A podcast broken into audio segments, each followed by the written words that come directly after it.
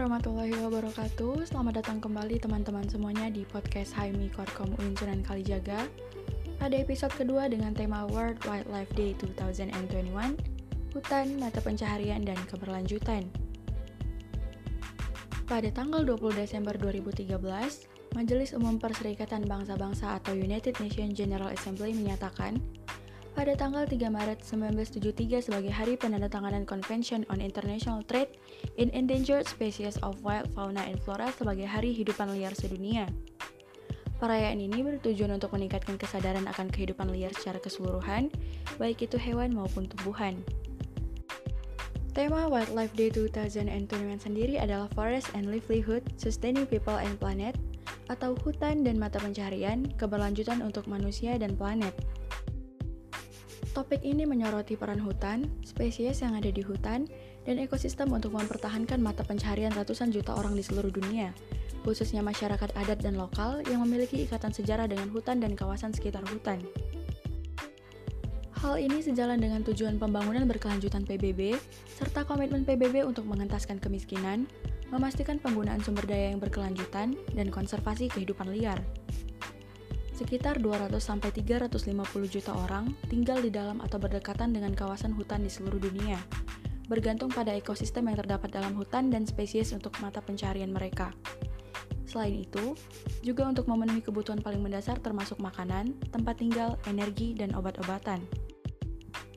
Di sisi lain, masyarakat adat dan komunitas lokal berada di garda terdepan dalam menjalin hubungan simbiosis antara manusia dan hutan – spesies hidupan liar penghuni hutan, dan juga ekosistem yang ada di hutan.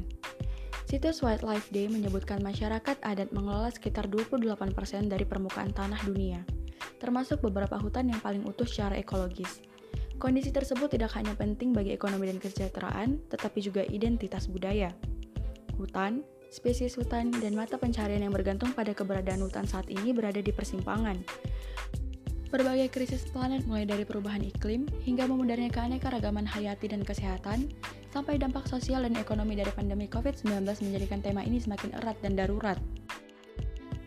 Untuk itu, Hari Hidupan Liar Sedunia 2021 akan merayakan mata pencaharian berbasis hutan yang berupaya untuk mempromosikan model dan praktik pengelolaan hutan dan hidupan liar yang mengakomodasi kesejahteraan manusia dan konservasi hutan jangka panjang. Tema ini membangun kesadaran bahwa dengan mempromosikan model dan praktik pengelolaan hutan dan kehidupan liar, dapat mengakomodasi kesejahteraan manusia serta konservasi hutan jangka panjang, melestarikan spesies flora dan fauna serta ekosistem di dalamnya. Hari Hidupan Liar Sedunia juga menjadi promosi untuk semakin melestarikan kehidupan liar, serta nilai praktik dan pengetahuan ilmu tradisional. Tujuan tersebut penting untuk menjaga kontribusi hutan untuk membangun hubungan yang lebih berkelanjutan. Tapi, yang terjadi di Indonesia sampai hari ini masih menyisakan pertanyaan, apakah pemerintah kita sudah benar-benar masif dalam pengelolaan sumber daya alam demi keberlangsungan hidup setiap warga negaranya? Isu-isu pemerintah versus masyarakat adat masih saja memekakan telinga terkait sengketa lahan.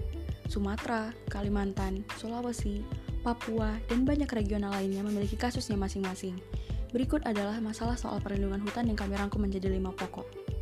1 Penebangan hutan dalam skala besar masih terus terjadi di Indonesia. Salah satu penyebab penebangan hutan yang terus terjadi adalah karena lahan hutan yang berubah fungsi, salah satunya untuk memenuhi kebutuhan perkebunan. 2. Ekonomi Indonesia yang masih sangat bergantung pada sumber daya alam. Kekayaan alam, hutan, dan tambang masih menjadi pilar penyokong utama pemasukan di Indonesia. Sekitar 70% pendapatan non-pajak di Indonesia berasal dari kekayaan alam. Singkatnya, masih lebih menguntungkan menebang hutan daripada menjaga hutan alami. 3. Perluasan wilayah pertanian, perkebunan, serta pertambangan. Semakin banyaknya investor asing di bidang kelapa sawit dan tambang batu bara, menyebabkan ekspansi besar-besaran perkebunan kelapa sawit dan aktivitas pertambangan. Beban hutan pun bertambah karena lahan perkebunan kelapa sawit biasanya berasal dari kawasan hutan yang kemudian berubah fungsi. Selain itu, deposit batu bara kebanyakan terletak di kawasan perhutanan. Industri kelapa sawit dan tambang yang bisa mengancam kelestarian hutan juga mendapat keuntungan dan dukungan dari sektor finansial. Karena industri ini sangat menguntungkan, maka perbankan memberi bunga rendah untuk pembukaan dan perluasan usaha kelapa sawit atau pertambangan. Belum lagi masalah pajak bumi dan bangunan untuk hutan yang sangat rendah, sehingga memudahkan individu atau perusahaan untuk memiliki ribuan hektar hutan dengan pajak yang murah. 4. Tabrakan administrasi. Sekitar 70% dari lahan Indonesia adalah hutan yang menjadi milik negara. Dengan desentralisasi, hak pengelolaan hutan pun dikembalikan kepada pemerintah lokal. Namun sayangnya, situasi ini malah memunculkan tubrukan antara izin penggunaan lahan yang dikeluarkan oleh pemerintah pusat dan pemerintah regional. Tumpang tindih izin pengelolaan hutan pun bisa menjadi beban pada upaya pelestarian hutan. Dan yang terakhir adalah keputusan politik. Proses pengambilan keputusan politik menjadi kelemahan terbesar pada pelestarian hutan. Salah satunya yang menjadi sorotan adalah tidak transparannya proses pemberian izin pengelolaan untuk industri-industri yang bersifat menguruk kekayaan alam. Selain itu, proses pengambilan keputusan juga jarang melibatkan partisipasi masyarakat lokal. Di atas adalah paparan term of reference dalam diskusi mendatang. You guys can visit our social media on Maracom Institute for more info and see you on a Kumal's discussion.